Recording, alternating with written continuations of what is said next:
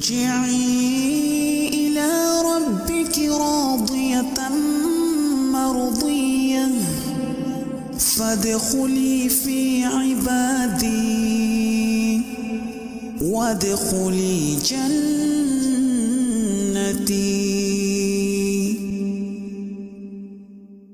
Alhamdulillah segala puji-pujian hanya kepada Allah semata.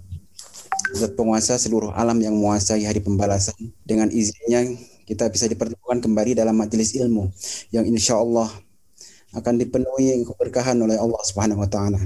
Salawat serta salam teruntuk Nabi kita tercinta Nabi Muhammad SAW. Semoga Allah mengizinkan beliau memberikan syafaat pada kita saat di hari kiamat nanti, di mana saat itu tidak ada tidak ada yang bisa memberi pertolongan kecuali dengan izin Allah. Baik, kami dari tim sahabat ilmu Darmais di Rumah Sakit Kanker Darmais yang masih banyak kekurangan ini sedang terus berupaya untuk memperbaiki diri menyongsong hari yang kekal nanti yaitu hari akhirat dengan menghadirkan majelis-majelis ilmu. Semoga Allah meridhoi usaha kita ini. Saat ini kita akan mendapat materi dari Ustadz Maududi Abdullah. Insya Allah semua yang hadir di sini sudah mengenal beliau, mengenal kewaduan beliau. Mari kita bersiap-siap bermuhasabah dengan beliau dalam topik manhaj salaf. Orang awam seperti Anda pasti sering mendengar manhaj, manhaj. Tapi maksud arti dari kata tersebut sama sekali tidak pernah terfikirkan oleh saya. Insya Allah semoga setelah kajian ini semua menjadi terang benderang insya Allah. Bismillahirrahmanirrahim. Assalamualaikum warahmatullahi wabarakatuh. Waalaikumsalam warahmatullahi wabarakatuh. Alhamdulillah Rabbil Alamin. Wassalatu wassalamu ala ashrafil anbiya'i wal mursalin. وعلى آله وأصحابه أجمعين.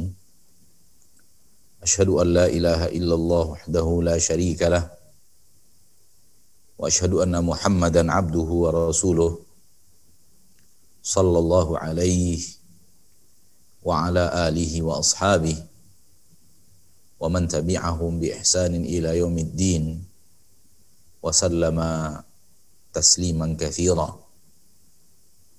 يا أيها الذين آمنوا اتقوا الله حق تقاته ولا تموتن إلا وأنتم مسلمون يا أيها الناس اتقوا ربكم الذي خلقكم من نفس واحدة وخلق منها زوجها وبث منهما رجالا كثيرا ونساء واتقوا الله الذي تساءلون به والأرحام إن الله كان عليكم رقيبا يا أيها الذين آمنوا اتقوا الله وقولوا قولا سديدا يصلح لكم أعمالكم ويغفر لكم ذنوبكم ومن يطع الله ورسوله فقد فاز فوزا عظيما. أما بعد فإن أصدق الحديث كتاب الله وخير الهدي هدي محمد صلى الله عليه وسلم. وشر الأمور محدثاتها فإن كل محدثة بدعة وكل بدعة ضلالة وكل ضلالة في النار معاشر المسلمين معاشر المسلمات saudaraku saudariku dimanapun antum sekarang berada rahimani wa rahimakumullah mari kita bersyukur kepada Allah tabaraka wa taala Rabbul Izzati wal Jalalah yang telah memberikan kepada kita curahan rahmat dan nikmatnya yang tiada tara dan tiada terhingga setiap hari yang kita lewati pasti bergelimang dengan rahmat dan nikmat Allah yang tiada tara dan tiada terhingga. Dan semakin dalam manusia mengkaji ilmu, walaupun dia adalah sebuah ilmu tentang alam semesta, atau ilmu tentang tubuh manusia, misalkan, maka dia akan semakin melihat alangkah besarnya nikmat yang diberikan oleh Allah Tabaraka wa Ta'ala lebih daripada sekedar orang awam yang tidak mendalami ilmu tersebut. Dan sekarang ini, di majelis ini, saya insya Allah bersama antum dan antunna yang berkecimpung di dalam dunia kesehatan Dan tentunya antum lebih faham daripada kami tentang detail rahmat dan nikmat yang Allah berikan kepada manusia lebih daripada apa yang kami ketahui dan itu semuanya semakin meyakinkan kita bahwa rahmat dan nikmat Allah sangat tiada tara, sangat tiada terhingga. Salawat dan salam kepada Nabi kita tercinta, Rasul kita yang mulia, suri tauladan kita Nabi Muhammad bin Abdullah sallallahu alaihi wasallam.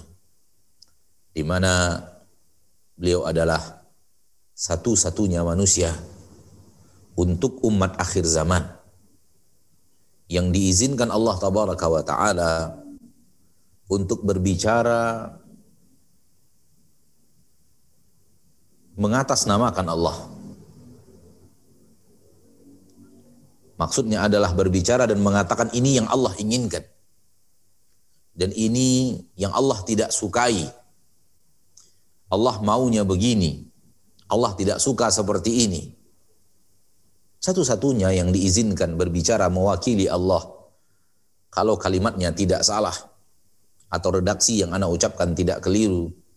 Satu-satu yang diizinkan berbicara mewakili Allah adalah Nabi kita tercinta Muhammad sallallahu alaihi wasallam. Karena beliau satu-satu yang yang, yang diberikan oleh Allah tabaraka wa taala wahyu untuk umat akhir zaman.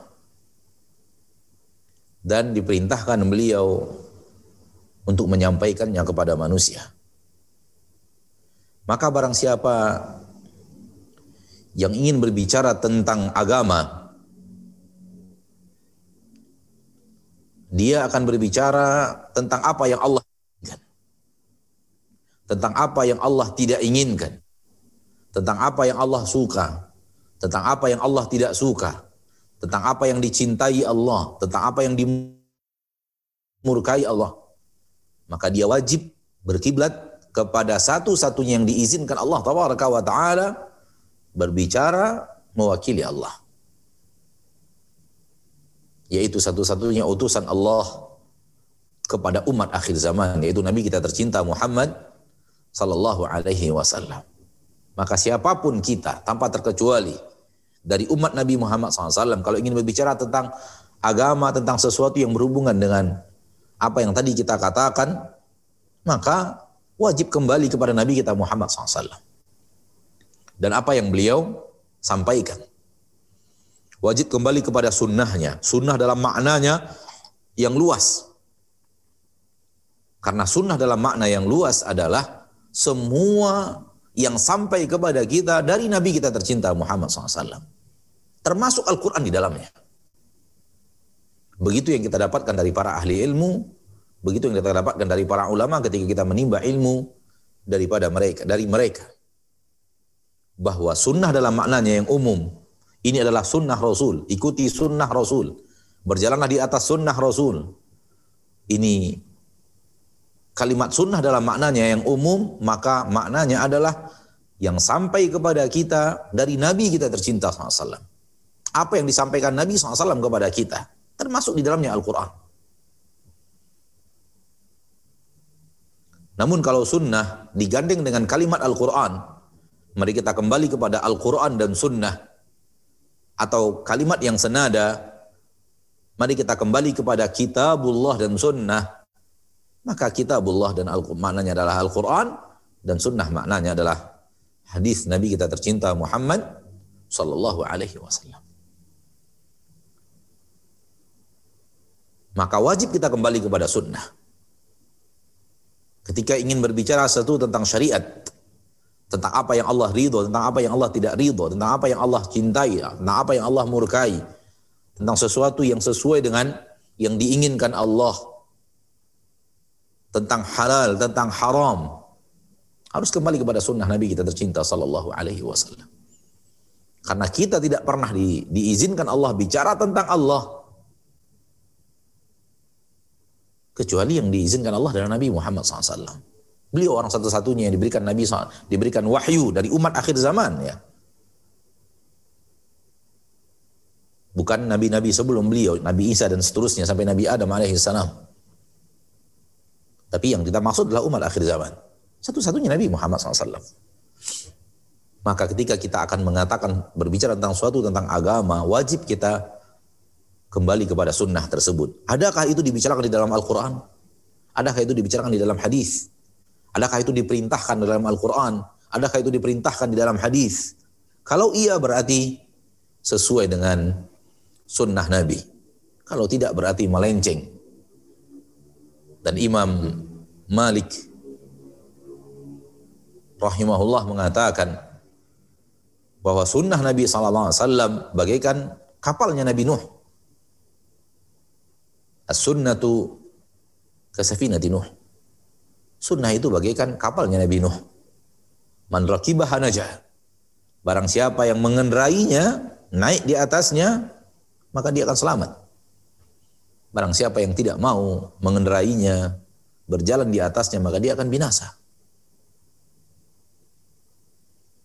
Masyarul muslimin, masyarul muslimat rahimani wa rahimakumullah.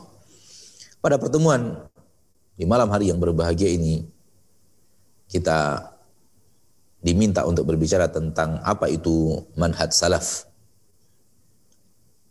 Kembali kita katakan tadi, kembali kita katakan seperti yang tadi kita katakan bahwa haram berbicara tentang sesuatu tentang agama Allah kalau tidak dikembalikan kepada sunnah Nabi yaitu Al-Quran dan hadis. Maka dalam bahasan ini pun, dalam pembahasan ini pun, saudara-saudariku kaum muslimin dan muslimat, insya Allah nanti akan melihat sendiri apakah memang apa yang kita sampaikan adalah sesuatu yang ada di dalam Al-Quran. Apakah sesuatu yang ada di dalam hadis atau dia adalah logika berpikir manusia semata.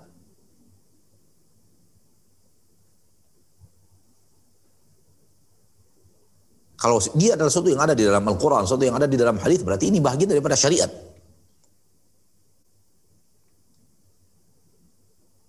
Karena di sana sini kita mendengarkan manusia memperdengungkan baik rekan-rekan kerja, baik tetangga, atau salah seorang di antara keluarga kita,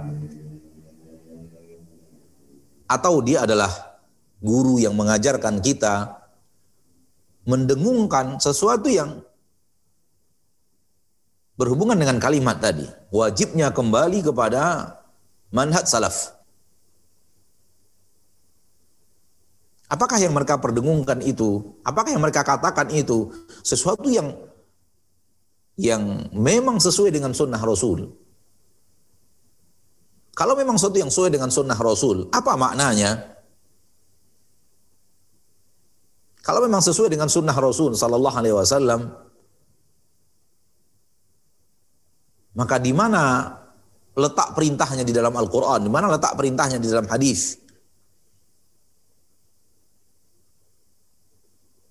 Masyarul muslimin, masyarul muslimat rahimani wa rahimakumullah. Kalimat manhaj bermakna di dalam bahasa Arab metode. Bermakna metode.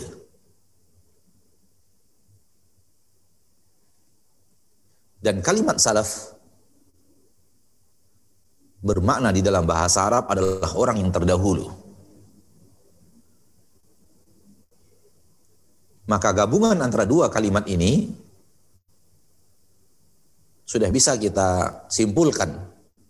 Dia maknanya adalah metode generasi terdahulu. Cara generasi terdahulu.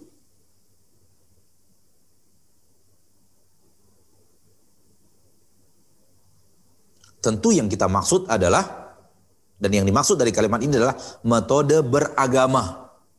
Karena bahasan kita adalah bahasan agama.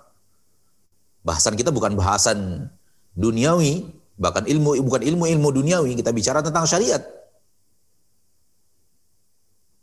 Maka manhaj salaf maksudnya adalah manhaj salaf dalam cara beragama. Metode salaf, metode salaf dalam cara beragama. Ini dia makna daripada manhajus salaf. Dan ini adalah kalimat yang masyur secara uh, bahasa Arab. Walau mungkin di telinga kita asing. Terutama kita orang Indonesia yang jarang ber, berkecimpung dengan orang-orang yang yang yang yang berbahasa Arab dan mulai masuk ke dalam kajian-kajian dan mulai hadir di kajian mungkin pendengaran kita asing mendengar manhaj salaf. Apa itu manhaj salaf? Selama kita hanya mendengar Islam. Selama ini kita hanya mendengar Al-Qur'an hadis. Selama ini kita hanya uh, mengenal ikuti sunnah Nabi. Itu yang ada pada pendengaran kata namun manhaj salaf. Sepertinya kalimat baru nan dan uh, sebenarnya bukanlah baru. Ya. Dan yang dimaksud dengan manhaj salaf adalah metode beragama orang-orang terdahulu. Maksudnya adalah metode beragama para sahabat Nabi Sallallahu Alaihi Wasallam. Karena mereka lah para salaf. Dan juga maknanya adalah metode beragama tiga generasi terbaik umat Islam. Tiga generasi terbaik umat Islam. Nanti insya Allah tabaraka wa ta'ala kita akan sampaikan. Karena tiga generasi terbaik umat Islam juga para salaf.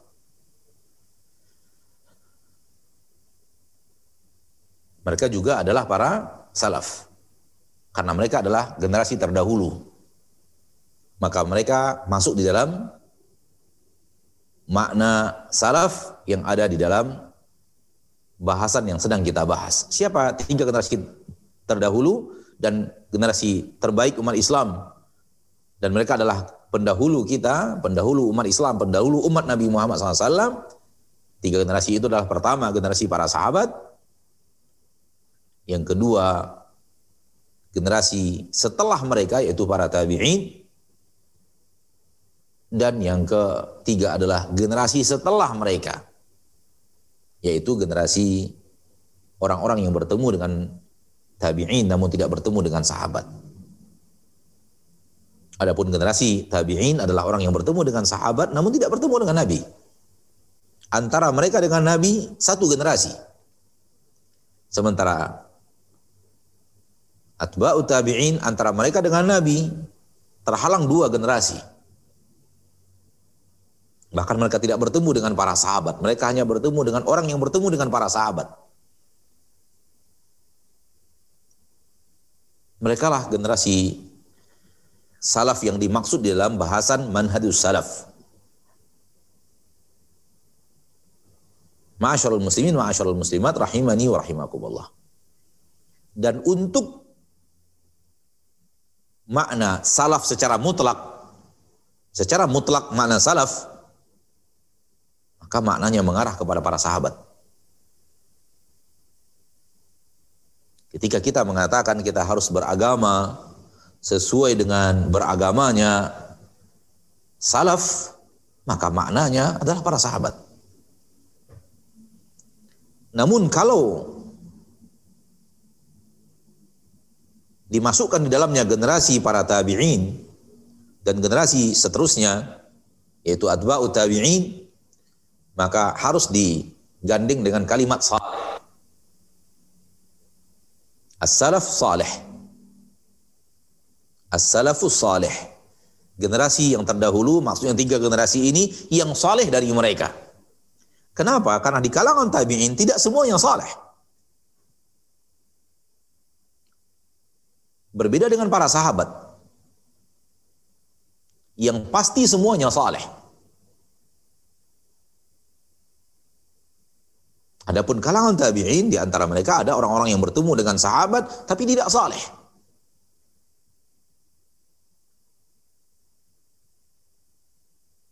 Yang Nabi katakan, lain ana adraktuhum la aqtulannahum qatla adin wa thamud.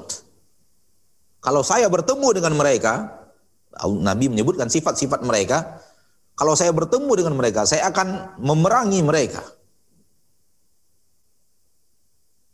Bagikan memerangi kaum Ad dan kaum Samud.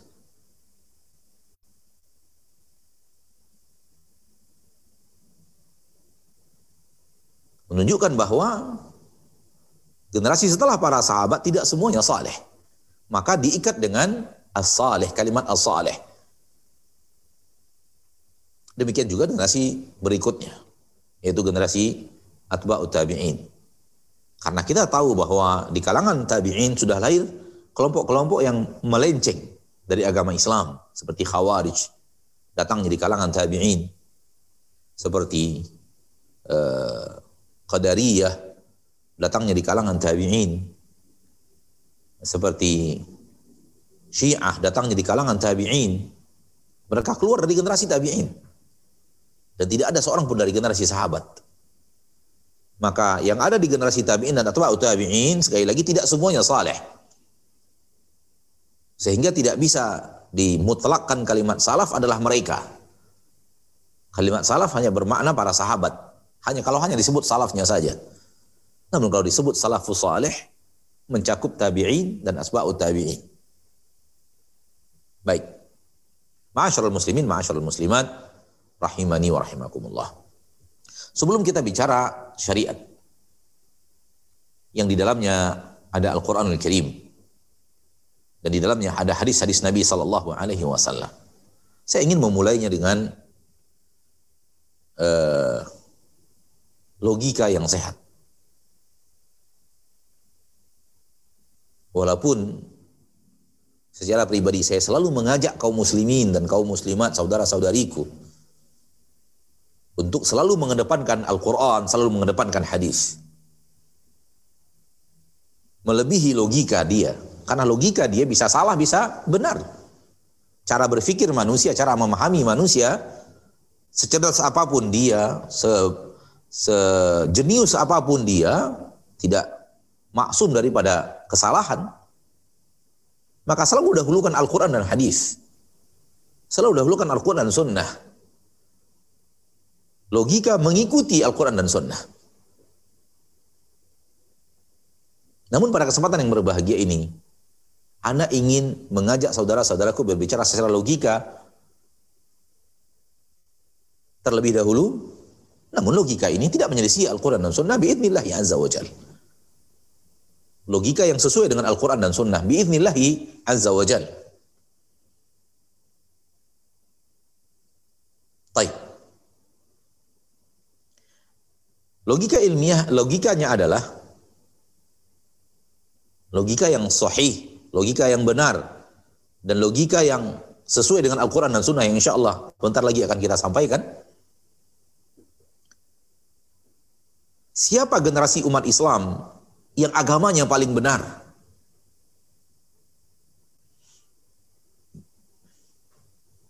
Sebuah generasi dari sebuah generasi umat Islam menurut logika yang sehat siapa yang mendapatkan generasi umat Islam terbaik? Seharusnya mendapatkan generasi umat Islam terbaik.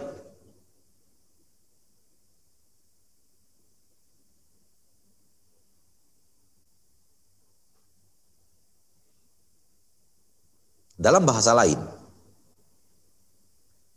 kalau semua umat Nabi Muhammad, semua umat Nabi Muhammad yang patuh dan taat kepada Nabi Muhammad SAW, semua mereka dikatakan murid Nabi. Kalau mereka semua kita katakan murid Nabi, pertanyaannya adalah secara logika yang sehat, generasi murid Nabi yang terbaik generasi yang mana? Generasi murid Nabi terbaik generasi yang mana?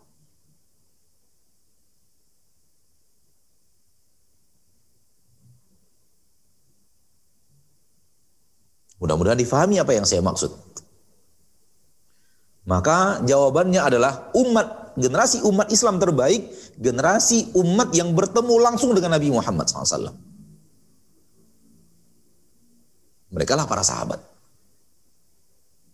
Mereka lah para sahabat. Dengan reaksi yang kedua, kalau semua umat yang patuh kepada Nabi Muhammad disebut murid Nabi, karena memang mereka pada dasarnya belajar agama dari Nabi. Walaupun melalui perantara, perantara, perantara, namun guru satu-satunya mengarah kepada Nabi Shallallahu Alaihi Wasallam.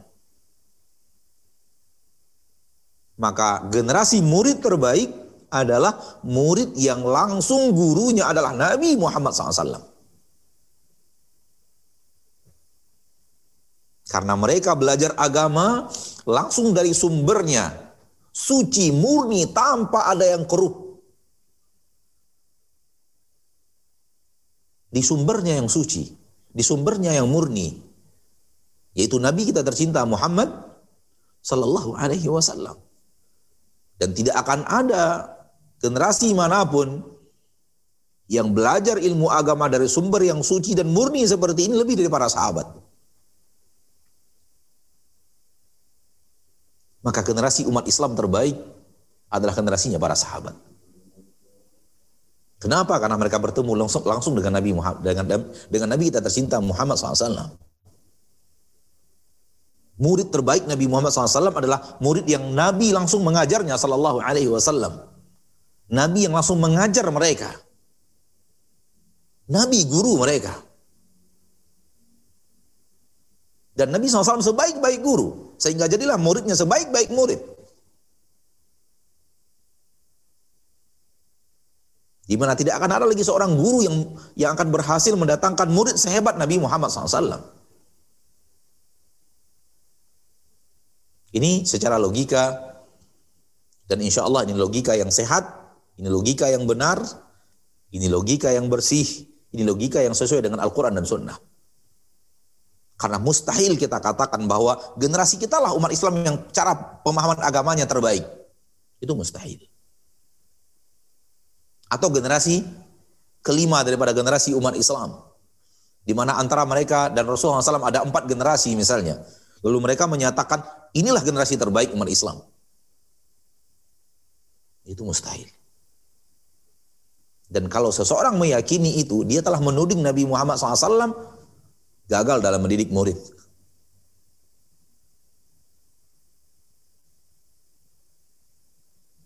Oleh karena itulah, oleh karena apa yang telah kita sampaikan tadi dari dari eh, logika ilmiah tadi, logika berpikir yang sehat tadi, yang sahih dan benar tadi,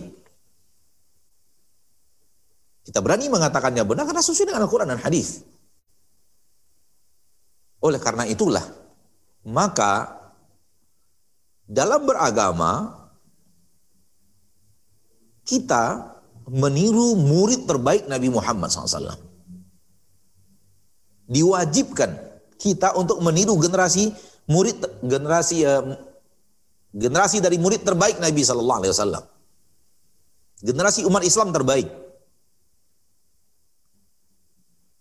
Sebagai murid sebagai murid kita mengikuti generasi murid terbaik Rasul kita tercinta Sallallahu Alaihi Wasallam.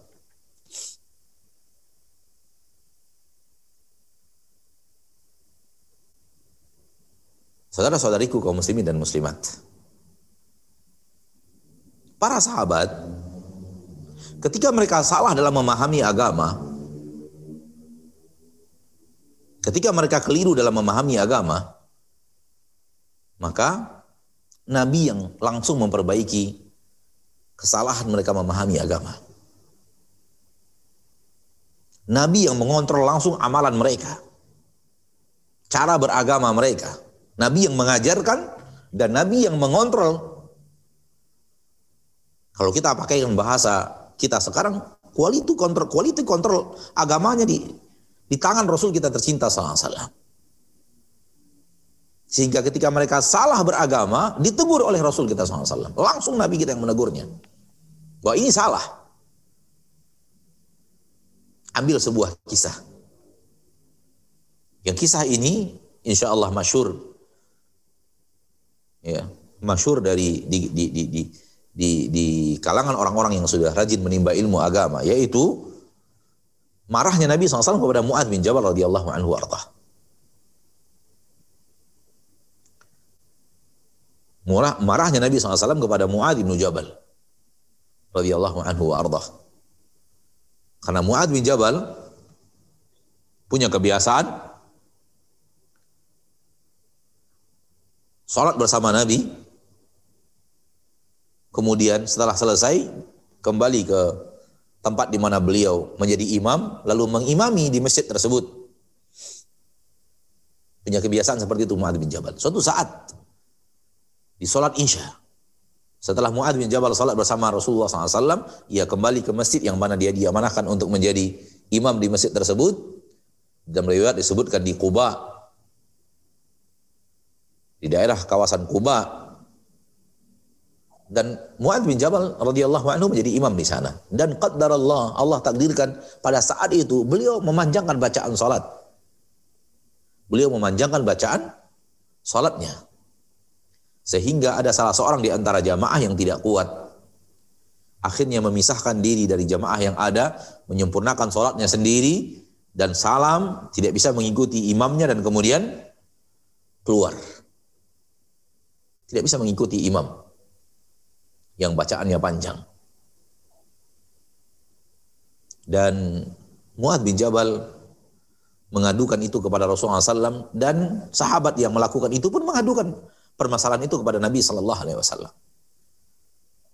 Yang satunya menjadi imam dan kemudian memanjangkan bacaan karena memang beliau tahu bahwa di sholat isya disunahkan untuk memanjangkan bacaannya. Yang satunya lagi keluar dari jamaah. Jamaah sholat maksudnya. Secara zahir, yang keluar dari jamaah inilah yang salah. Kenapa tidak ikut imamnya? Bukankah imam menjadikan imam untuk diikuti? Dan ketika kedua-duanya mengadukan permasalahan itu kepada Rasul Sallallahu Alaihi Wasallam, lihat apa yang dikatakan Rasulullah SAW. Kata Rasulullah SAW, Afattanun anta ya Mu'az. Apakah engkau memfitnah manusia wahai Mu'az? Apakah engkau akan menjadi orang-orang yang memfitnah agama manusia wahai Mu'az? Kalau kalian salat, maka di belakang kalian ada orang yang sakit, ada orang yang punya hajat, ada orang yang lemah, ada orang tua, ada orang yang punya hajat. Maka hendaklah dia perhatikan jamaahnya. Siapa yang sholat di belakangnya? Maka memanjangkan bacaan sholat. Padahal di belakang kita ada orang-orang yang tidak sanggup untuk mengikuti panjangnya bacaan itu bukan agak bukan cara beragama yang benar, bukan cara menjadi imam yang benar. Kita tidak ingin memperpanjang eh, cerita ini. Yang ingin kita ambil adalah Rasul Shallallahu Alaihi Wasallam menentukan siapa yang benar, siapa yang salah. Padahal kalau kita ambil saja satu, kalau seandainya Rasul tidak menentukan dan kita melihat satu sisi Muad bin Jabal memanjangkan sholat isya, tidak ada yang salah dari perbuatan Muad. Karena Rasul juga Shallallahu Alaihi Wasallam diriwayatkan dari dari beliau, beliau juga memanjangkan bacaan sholat. Namun ternyata beliau memanjangkan setelah beliau mengetahui siapa yang hadir dari jamaah sholat. Beliau memperhatikan keadaan makmum. Sallallahu alaihi wasallam. Ataukah atau mungkin beliau diberi wahyu bahwa Wallahu alam. Intinya adalah beliau melihat situasi dan kondisi. Sementara keadaan yang terjadi pada Mu'ad bin Jabal radhiyallahu taala anhu beliau memanjangkan sementara kondisinya tidak memungkinkan lagi untuk kondisinya makmum tidak tidak bisa mengikuti sholat yang seperti itu. Ditambah sebelumnya beliau sholat dulu bersama Rasul baru kemudian mengimami sholat. Itu artinya lebih lebih mundur lagi pelaksanaan sholat isya di masjid tersebut. Yang ingin kita garis bawahi adalah Rasulullah menentukan siapa yang salah dalam masalah ini. Bahwa cara cara Muad bin Jabal radhiyallahu anhu dengan cara yang seperti itu salah.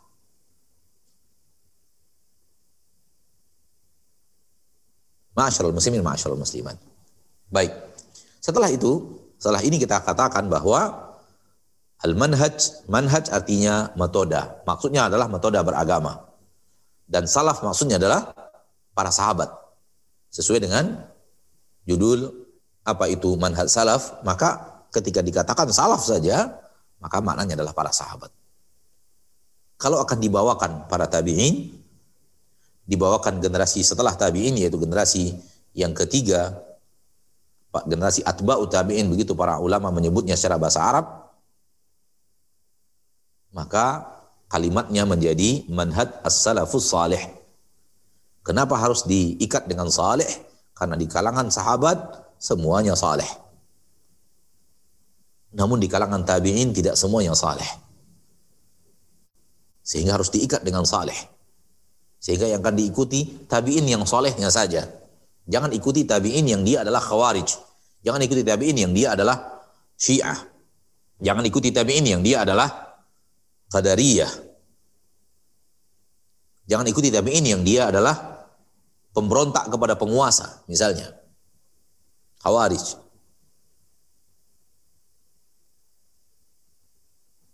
Demikian juga dengan generasi setelahnya, sebab tabi'in. Semakin banyak di antara mereka yang tidak saleh. Maka diikat dengan yang soleh-solehnya saja. Maka manhaj salaf atau manhaj manhaj as-salaf atau manhajus salafus saleh adalah beragama ya mengikuti metode beragama generasi terdahulu yang saleh dan yang dimaksudkan dengan mereka adalah para sahabat, para tabi'in dan asba'ut tabi'in. Mari kita kembalikan kepada ayat-ayat dan hadis. Setelah kita menyampaikan secara makna, secara bahasa tadi dan kita tambahkan dengan logika berpikir yang benar, logika berpikir yang sehat, logika berpikir yang sahih dan logika indu sesuai dengan Al-Quran dan Sunnah. Di dalam Al-Quranul Karim, kita diwajibkan mengikuti para sahabat. Di dalam Al-Quran kita diwajibkan mengikuti para sahabat. Lihat firman Allah ta'ala di dalam Al-Quran.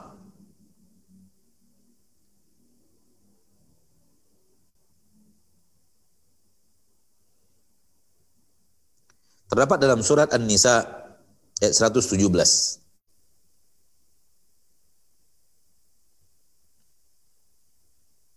Terdapat dalam Al-Quran surah An-Nisa ayat 117. Allah berfirman, A'udzu billahi minasyaitonir rajim. Wa man yushaqiqir rasulah min ba'di ma tabayyana lahul huda wa yattabi' ghaira sabilil mu'minin nuwallihi ma tawalla wa nuslihi jahannam wa. Yang artinya, barang siapa yang menyelisihi Rasul, memerangi Rasul, tidak sesuai dengan apa yang di yang diajarkan Rasul, ing, uh, maksiat kepada Rasul, mimba di mata tabayyana lahul huda, setelah jelas dan kepadanya petunjuk wa yattabi' ghaira sabilil mu'minin dan dia mengikuti jalan yang bukan jalannya kaum mukminin. Dikari kalimat kaum mukminin. Mengikuti jalan yang bukan jalannya kaum mukminin.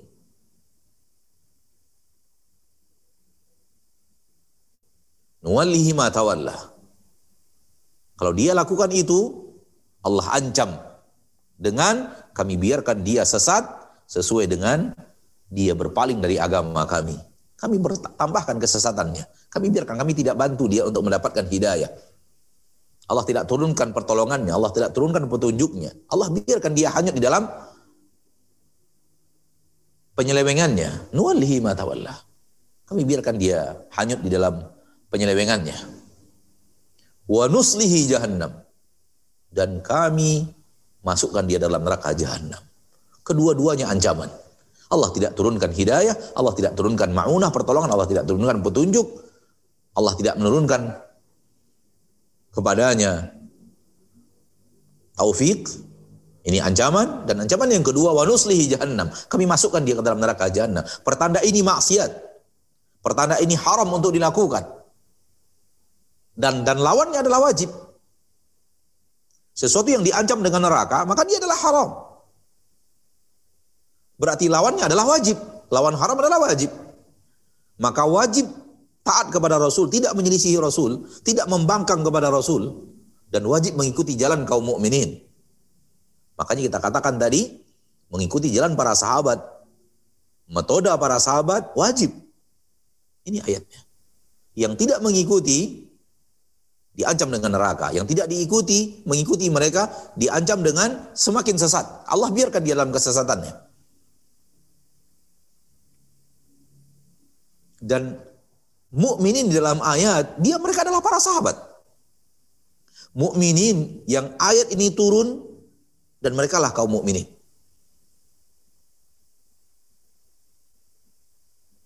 Antum bisa bayangkan Rasul masih hidup dan hidup bersama mereka kaum bersama Rasul kaum mukminin. Siapa kaum mukminin ini?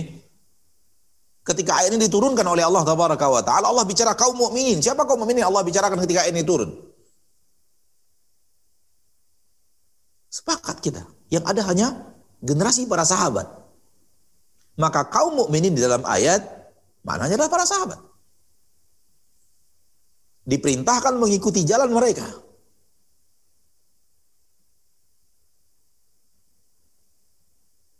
Jalan mereka dalam beragama. Bukan jalan yang maksudnya adalah jalan-jalan yang zahir. Tapi jalan beragama, metode beragama. Dan apabila mengikuti jalan selain jalan mereka, diancam dengan neraka.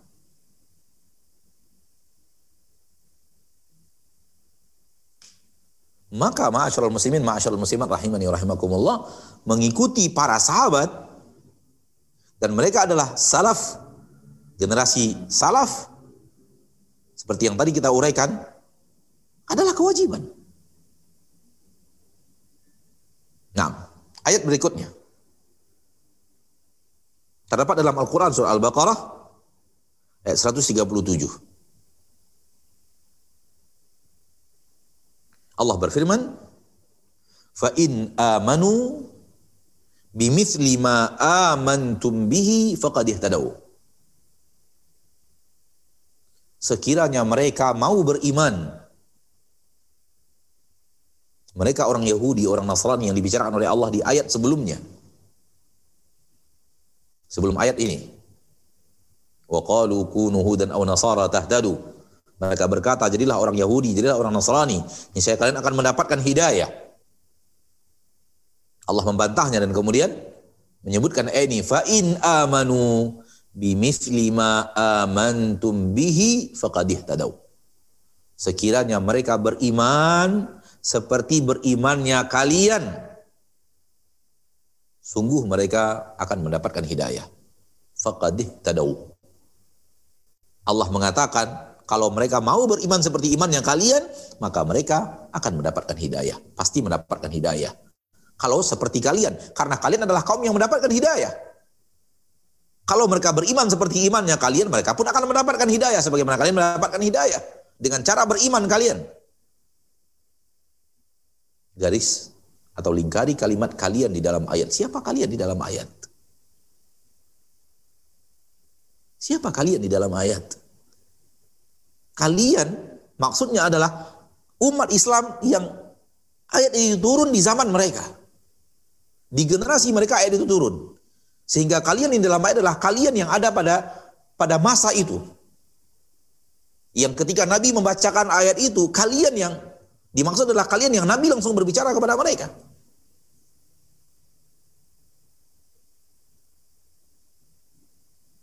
Yang ayat ini mereka dengarkan langsung dari lisan Nabi, mereka lah kalian ini masuk dalam ayat. Dan mereka adalah para sahabat. Baik, ayat berikutnya surat At-Taubah ayat 100. Surat At-Taubah ayat 100. Allah berfirman di dalam Al-Qur'an, والسابقون الأولون من المهاجرين والأنصار والذين اتبعوهم بإحسان رضي الله عنهم ورضوا عنه وأعد لهم جنات تجري تحتها الأنهار خالدين فيها أبدا ذلك الفوز العظيم dan ini ayat yang lebih jelas walaupun semua yang tadi jelas namun ini redaksinya lebih jelas dan dengannya kita akhiri dalil dari Al-Quran dan kita katakan bahwa seruan untuk mengajak kembali kepada metode beragama salaf bukanlah karangan ulama, akan tapi perintah Al-Quran. Nah, Allah ber- berfirman dalam Al-Quran surat Taubah ayat 100, وَسَابِقُونَ الْأَوَّلُونَ minal muhajirin wal ansar, orang-orang yang terdahulu dan orang-orang yang awal, generasi awal minal muhajirin wal ansar, dari kaum muhajirin, kaum ansar.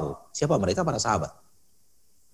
Muhajirin para sahabat, di dalamnya ada Abu Bakar, ada Umar, ada Ali bin Abi Thalib, Abdurrahman bin Auf, Uthman bin Affan radhiyallahu an, Uthman bin Affan, Ali bin Abi Thalib, Abdurrahman bin Auf.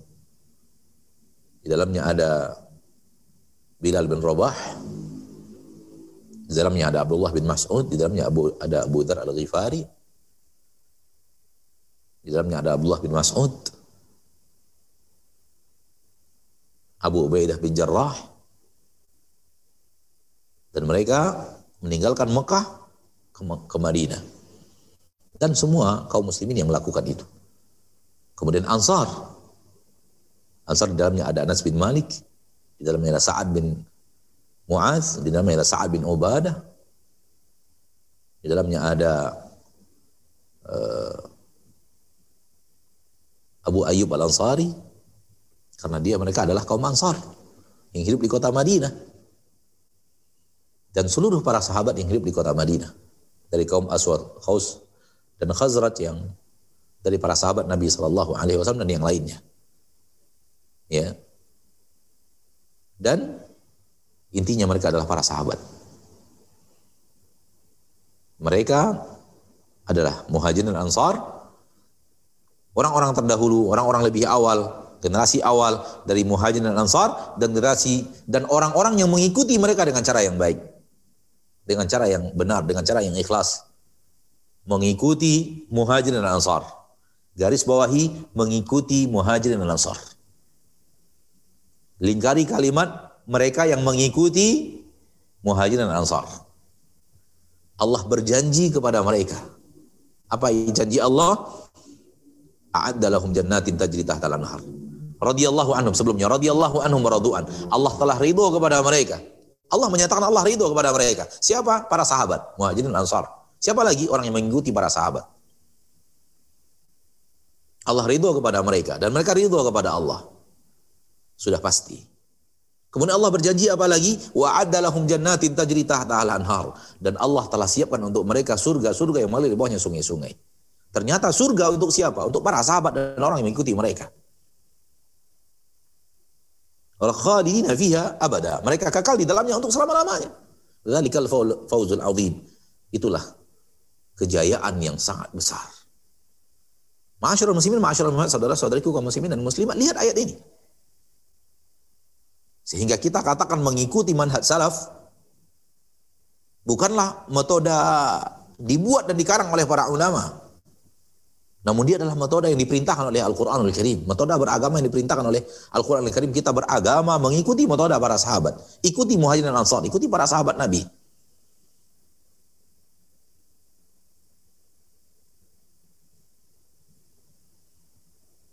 Baik. Di dalam hadis Nabi Wasallam bersabda,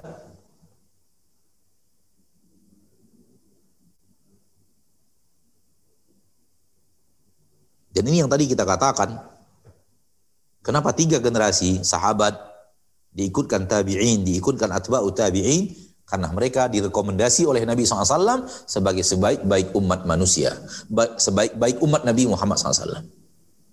Rekomendasi langsung dari Rasulullah Wasallam Hadis diriwayatkan oleh Imam Bukhari dan Muslim. Rasulullah SAW bersabda, Khairun nasi qarni, thumma yalunahum, thumma alladhina yalunahum. Hadis sahih riwayat Imam Bukhari dan Muslim. Sebaik-baik manusia karni generasiku Generasi yang aku ada di antara mereka. Generasi siapa itu? Para sahabat. Generasi yang mana Nabi hidup bersama mereka. Ya generasi manusia yang Rasulullah SAW bersama mereka di generasi itu. Korni generasi aku. Berarti aku dan kaum mukminin yang bersama aku. Itu generasi terbaik.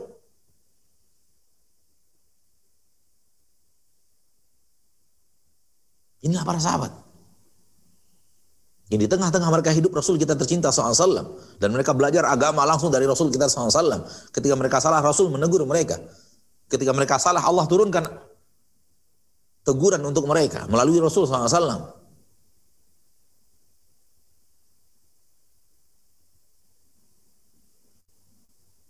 Siapa lagi generasi terbaik? Ini generasi terbaik pertama. Siapa lagi setelahnya kata Nabi yalunhum. Kemudian generasi yang yang setelah mereka. Berarti generasi yang setelah mereka.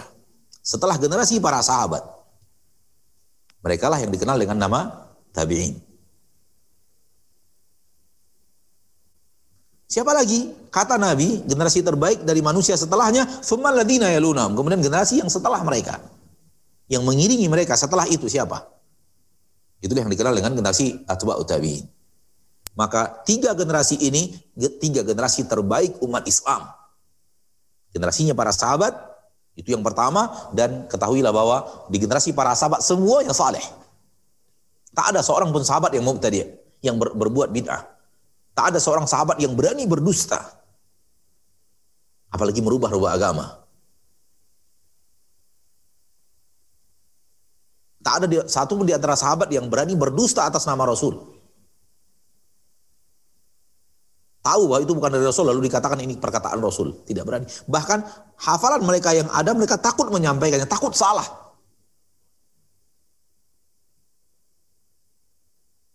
Takut terkena ancaman neraka. Walaupun akhirnya mereka sampaikan juga. Tapi penuh dengan kekhawatiran dan ketakutan. Ini generasi terbaik umat Islam kata Nabi generasi para sahabat, karni zamanku, zamanku yang aku hidup di dalamnya, yaitu zamannya para sahabat. Generasinya para sahabat dan kemudian generasi berikutnya itu yang terbaik. Kemudian generasi berikutnya itu yang terbaik dan Rasul berhenti sampai di sini. Tiga generasi terbaik umat Islam. Generasi para sahabat, generasi para tabi'in, generasi atba'ut tabi'in. Kenapa mereka yang terbaik? Bukan kita yang mengatakannya, Allah yang mengatakannya dan Allah sampaikan melalui lisan Rasul kita tercinta Muhammad SAW. Karena yang paling tahu siapa yang terbaik adalah Allah. Karena itu masalah hati. Dan amalan masing-masing. Dan Allah mengetahui seluruh generasi umat Islam, umat Nabi Muhammad SAW. Dan Allah mengetahui yang terbaik adalah para sahabat. Dan Allah mengetahui yang terbaik setelahnya adalah para tabi'in. Dan Allah mengetahui yang terbaik setelahnya adalah generasi setelahnya itu atba'u tabi'in. Sehingga Nabi memakai kalimat thumma. Dan itu Nabi Eh, dan itu Allah sampaikan kepada Nabi dalam bentuk wahyu dan Nabi sampaikan kepada kita dalam bentuk hadis. Bahwa manusia ini generasi terbaiknya adalah para sahabat yang aku hidup bersama mereka. Generasi aku, generasi para sahabat, manusia yang hidup bersama aku. Berikutnya adalah bertemu dengan para sahabat tidak bertemu dengan Rasul. Sumaladina generasi berikutnya. Berarti generasi yang setelah para sahabat. Berarti orang yang bertemu dengan sahabat namun tidak bertemu dengan Rasul. Mereka lah generasi tabi'in. Thummal ladina yalunahum. generasi berikutnya yaitu bertemu dengan tabi'in tidak bertemu dengan sahabat. Mereka generasi terbaik. Kenapa mereka generasi terbaik? Karena mereka yang beragamanya terbaik. Metode beragama yang terbaik, metode beragama yang paling benar di tengah-tengah mereka. Oleh karenanya kita diperintahkan untuk mengikuti mereka. terkhusus para sahabat. Ya, terkhusus sekali para para sahabat. Di dalam ayat yang tadi kita bacakan terkhusus para sahabat. Dan ada sebuah hadis Nabi SAW yang sahih juga riwayat Imam Tirmidzi di mana Nabi Wasallam mengatakan bahwa umat akan terpecah menjadi 73 golongan umat Islam semuanya ke neraka kecuali satu ketika ditanya siapa yang satu itu Nabi menjawab mereka adalah jamaah dan Nabi menjawab dalam riwayat yang lain orang yang meniru aku dan sahabatku. Orang yang meniru aku dan sahabatku. Hum mangkana ala misli ma ana alaihi yawma ashabi. Mereka adalah orang-orang yang beragamanya seperti aku dan sahabat-sahabatku. Kenapa para sahabat disebut? Karena memang itu metode Al-Quran. Begitu Allah perintahkan. Dan kenapa kita ikutkan tabi'in dan atba'u tabi'in? Karena mereka rekomendasi dari Nabi kita tercinta. Mereka umat terbaik. Maka seruan untuk kembali kepada cara metode beragamanya para salaf adalah seruan yang sesuai dengan Al-Quran, sesuai dengan hadis Rasul kita tercinta Muhammad sallallahu alaihi wasallam. Saudara-saudariku kaum muslimin dan muslimat rahimani wa rahimakumullah. Seperti yang tadi kita katakan bahwa mereka adalah orang yang generasi yang memahami agama paling benar. Paling sah, paling sahih. Kenapa? Guru mereka langsung Rasul.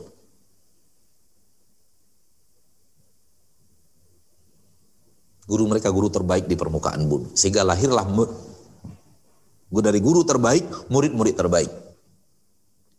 Dan itu rekomendasi langsung dari dari Allah di dalam Al-Quran yang tadi telah kita bacakan. Dan rekomendasi langsung dari Rasulullah Sallallahu Alaihi Wasallam. Sehingga beragama kata Nabi ikuti aku dan sahabatku. Maka inilah makna daripada manhaj as-salaf atau manhaj as-salafus salih dari perkataan para ulama.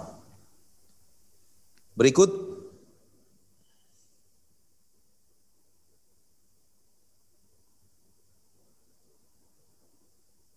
perkataan para ahli ilmu. Perkataan para ahli ilmu.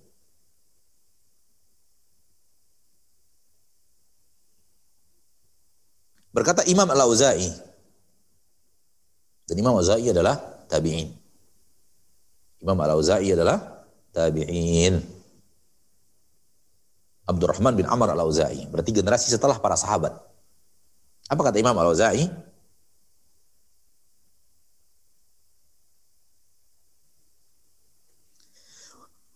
Isbir nafsaka ala sunnah sabarkan dirimu untuk tetap berada di atas sunnah. Waqif haitsu waqafal qaum wa qul bima qalu wa kuffa amma kaffu an. Berhentilah ketika kaum terdahulu, kaum sebelum kita berhenti. Artinya mereka tidak berbicara, maka jangan berbicara. Wa qul bima qalu dan katakan apa yang mereka katakan. Wa kuffa amma kafuan dan jangan membicarakan hal-hal yang mereka tidak bicarakan. Jangan amalkan yang mereka tidak amalkan, jangan bicarakan apa yang tidak mereka bicarakan. Wasluk sabila salafika salih dan berjalanlah di jalan salaf engkau yang saleh. Apa salaf artinya?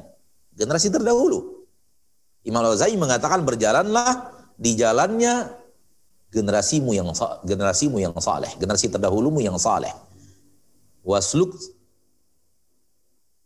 sabila salafika saleh dan ikutilah jalan salafmu yang saleh. Imam Al-Auza'i menggunakan kalimat salaf untuk mengatakan generasi terdahulu dan maksudnya adalah para sahabat. Imam Al-Auza'i juga berkata, "Alaika bi atharis salaf wa in rafadaka nas." Hendaklah engkau berpegang teguh dengan riwayat-riwayat dari salaf. Imam Al-Auza'i tabi'in. Berpegang teguh dengan riwayat-riwayat yang sampai kepadamu dari salaf. Wa in rafadaka nas, walaupun manusia menolak itu darimu. Pegang teguh dengan apa yang dikatakan oleh yang sampai kepada kita dari perkataan salaf. Siapa yang dimaksud Imam Zaid dan salaf? Para sahabat. Karena mereka lah salafnya para tabi'in. Sehingga kalimat ini bukanlah kalimat yang baru. Telah dikatakan oleh para salafus saleh. Bicara tentang salafnya mereka.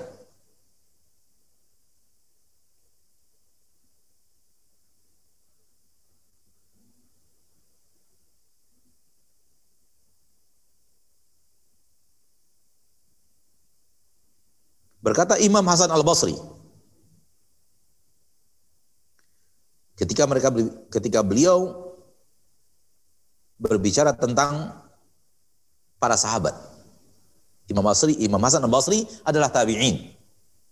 Berbicara tentang para sahabat. Kata kata Imam Hasan Al-Basri, "Innahum kanu abarra hadhil ummati quluban wa a'maqaha ilman wa aqallaha takallufan." Qauman ikhtarahumullahu li suhbati nabihi sallallahu alaihi wasallam fatashabbahu bi akhlaqihim wa tara'iqihim fa innahum wa rabbil wa rabbil ka'bati 'alal hudal mustaqim. Imam Hasan Al-Basri dan dia adalah tabi'in dan imamnya tabi'in beliau berkata tentang para sahabat Nabi SAW mereka adalah umat yang hatinya paling baik umat ini umat Nabi Muhammad yang terbaik hatinya yang paling soleh hatinya adalah para sahabat dan paling dalam ilmunya so, kaum yang Allah pilih mereka untuk menemani nabi nabinya. Allah pilih mereka untuk menemani Rasulnya Muhammad SAW. Fatashabbahu bi akhlaqihim. Tirulah akhlak mereka. Wa tara'iqihim dan cara-cara beragama mereka. Tiru itu fa innahum rabbil ka'bati 'alal hudal mustaqim. Karena mereka yaitu para sahabat wa rabbil ka'bah, demi Rabbnya Ka'bah, sumpah, bersumpah Imam Hasan Basri, demi Rabbnya Ka'bah mereka itu 'alal hudal mustaqim, di atas petunjuk yang lurus. Di atas jalan yang lurus.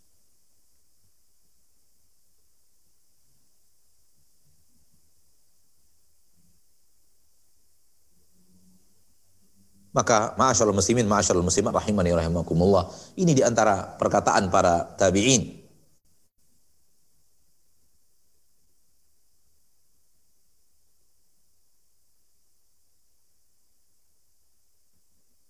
Baik, kita ambil dari perkataan para ulama. Imam Al-Lalikai di dalam kitab beliau Syarhu Usuli I'tiqadi Ahli Sunnah berbicara panjang lebar.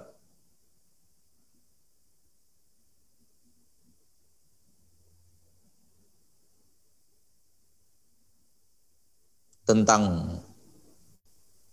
kewajiban untuk kembali kepada Al-Quran dan Sunnah, kemudian beliau mengatakan bahwa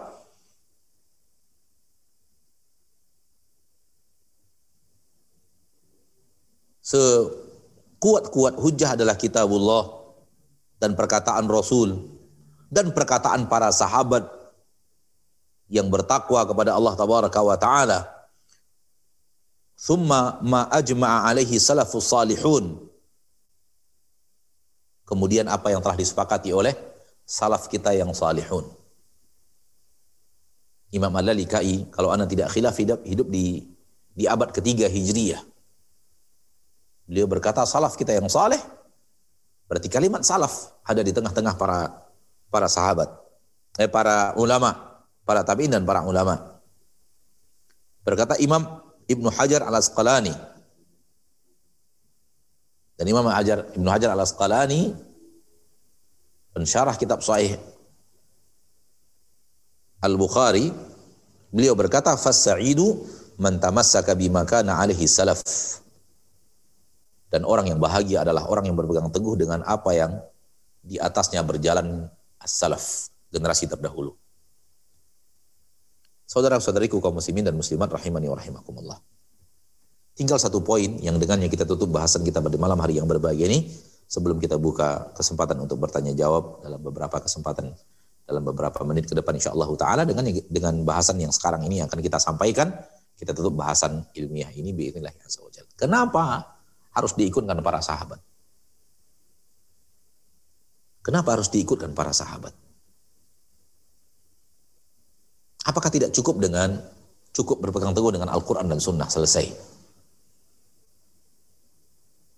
Ini pertanyaan penting yang sering ditanyakan juga oleh sebagian kaum muslimin yang jeli.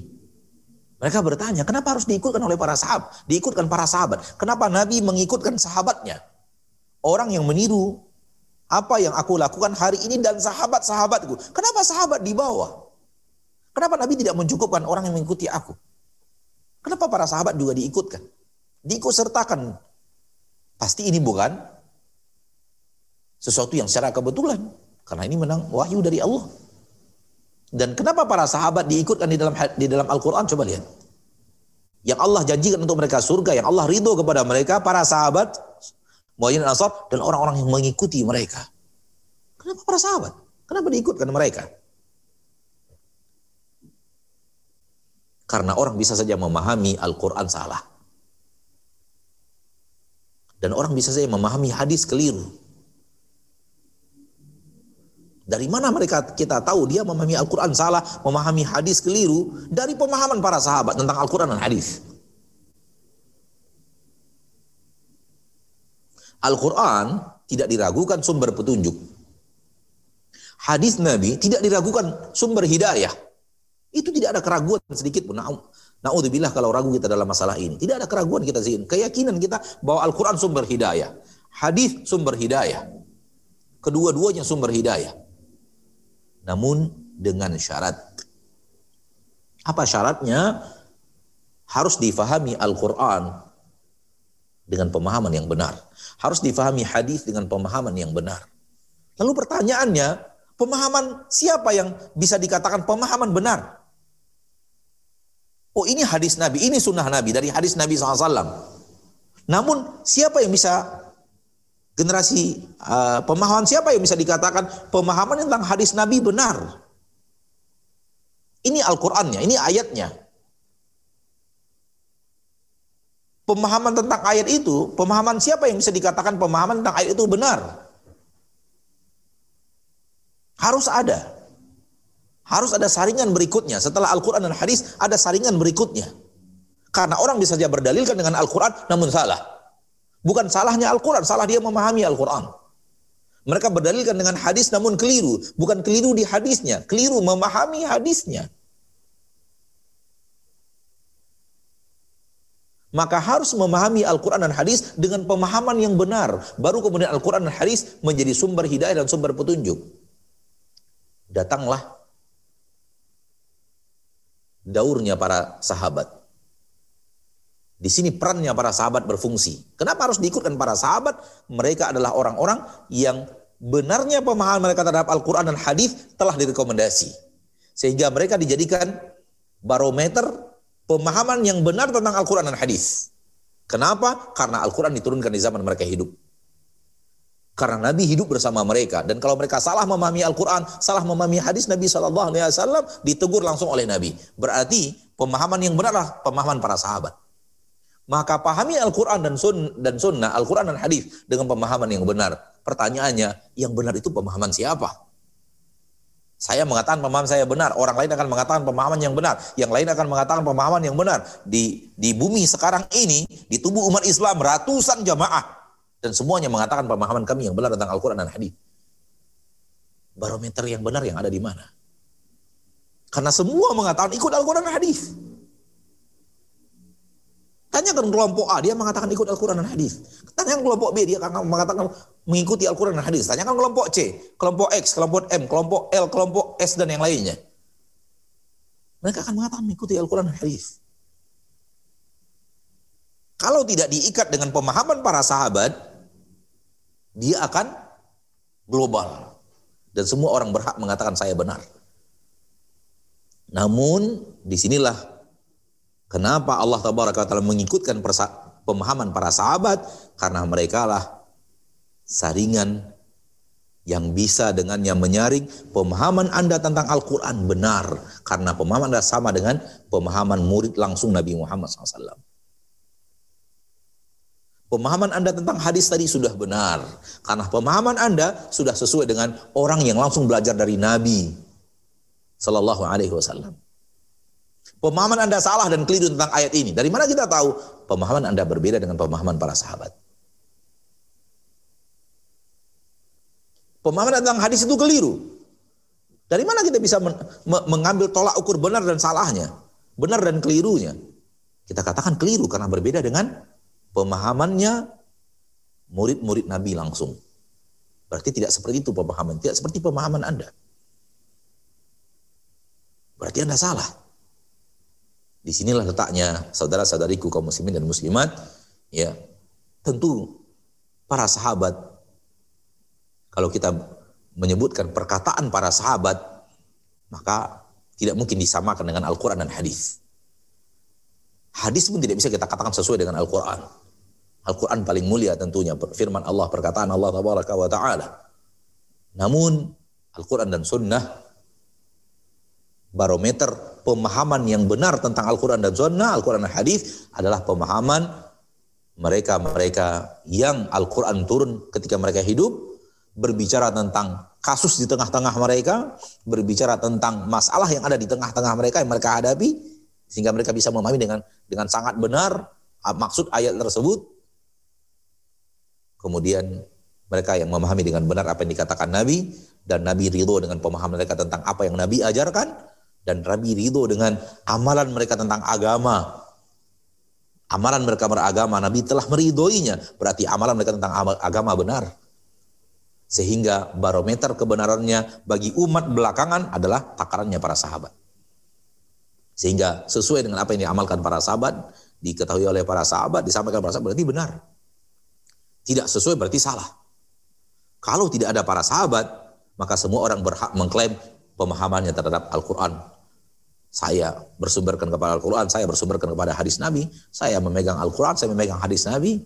Kita katakan boleh saja anda pegang Al-Quran, anda pegang hadis Nabi, dan anda ber berhujah dengan Al-Quran dan hadis, tapi pemahaman anda tentang Al-Quran itu salah. Karena berbeda dengan pemahaman generasi terbaik umat Islam yang direkomendasi oleh Allah dan Rasulnya. Mudah-mudahan bermanfaat apa yang saya sampaikan, dan semoga kita mengerti bahwa kembali kepada pemahaman beragamanya para salafus saleh bukanlah bid'an fiddin, bukanlah pemahaman baru dalam agama. Ya, wallahu taala alam. Sampai di sini bahasan kita berkesempatan yang berbahagia ini. Dan semoga kita benar-benar bisa mengamalkan ayat-ayat yang tadi kita bacakan dan hadis-hadis yang tadi kita sampaikan. Ya bahwa Nabi SAW menyuruh kita mengikuti para sahabat dan Rasulullah SAW merekomendasi generasi terbaik umat Islam adalah generasi yang pertama sekali. Kemudian setelahnya dan setelahnya mari kita ikuti langkah mereka yang soleh itu dari generasi-generasi terbaik umat Islam itu sehingga berhak kita untuk mendapatkan janji-janji Allah yang Allah janjikan di dalam Al-Quran yaitu hidayah dan Allah berjanji ridho dan Allah berjanji surga. Semoga bermanfaat dan kita kembalikan kepada moderator. Wallahu a'lam. ارجعي إلى ربك راضية مرضية فادخلي في عبادي وادخلي جنة Deep.